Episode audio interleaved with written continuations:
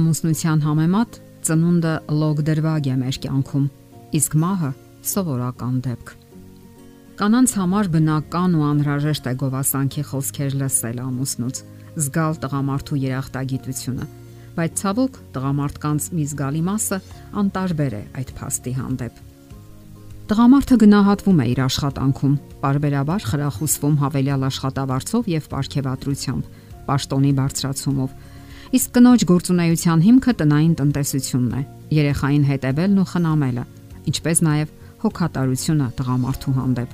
Սակայն ի տարբերություն տղամարդու, նա չի կարող հույս ունենալ, որ աշխատավարձը կբարձրացնեն, հավելյալ աշխատավարձ կամ ապարքեվատրություն կստանա իր տանը։ Այստեղ շատ կարևոր են ամուսնու գոհության ու երախտագիտության մի քանի բարի խոսքերը։ Դրանք կարող են մարել լարվածությունն ու գրգռվածությունը, որ առաջանում է կնոջ միօրինակ, միապաղաղ աշխատանքի արդյունքում։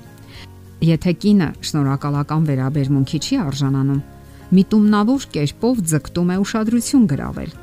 Գրգռված վիճակը, բռնկումները, արցունքներով ուղեկցվող տեսարանները կարող են ընդհանրապես ուշադրություն գրավելու հուսահատ փորձեր լինել։ Որոշ կանայք իրենց համար հորինում են մշտական գլխացավ, գլխապտույտ եւ հոգնածություն։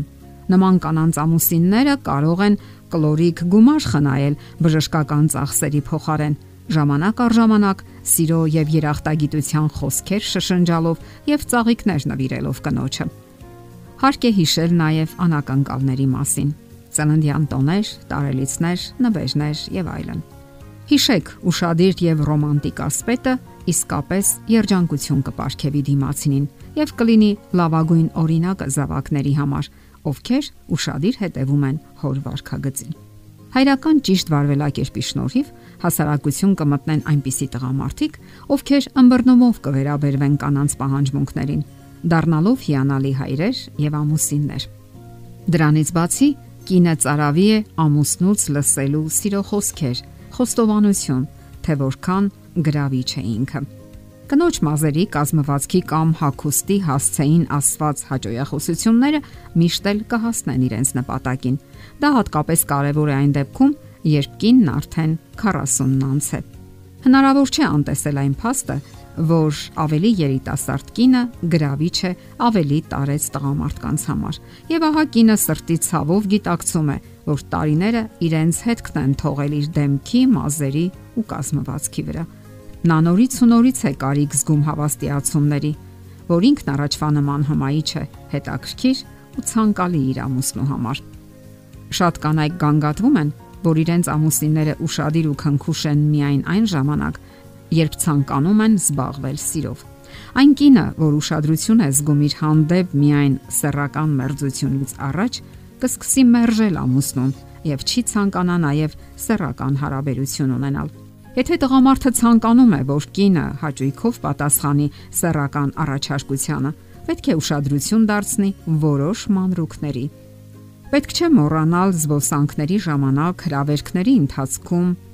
քնքշություն ցուցաբերել կնոջ նկատմամբ, բռնել նրա ձեռքը, ճպտալ առանձնահատուկ ձևով։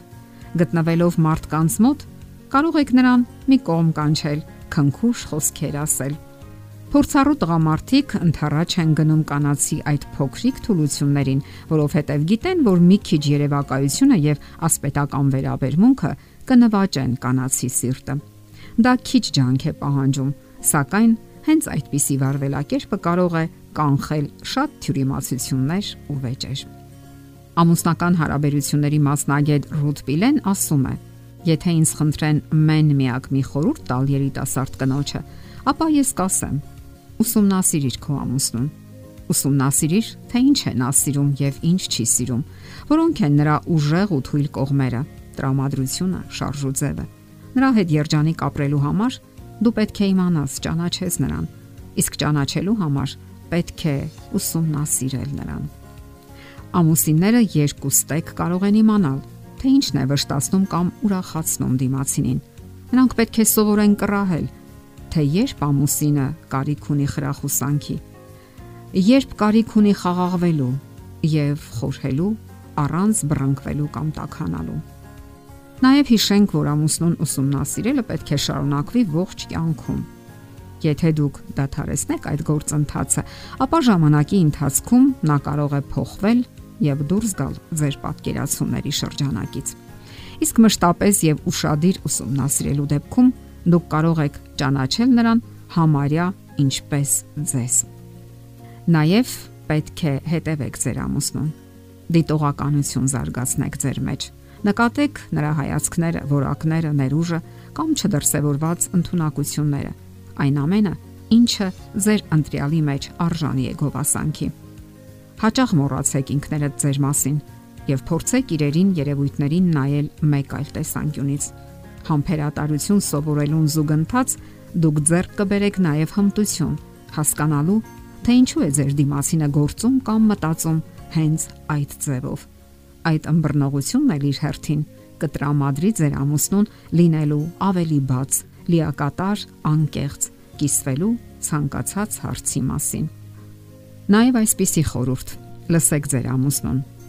Ահա մի կարևոր պայման փոխհմբռնման հասնելու համար։ Սա նաև օգնում է լավ ճանաչելու միմյանց։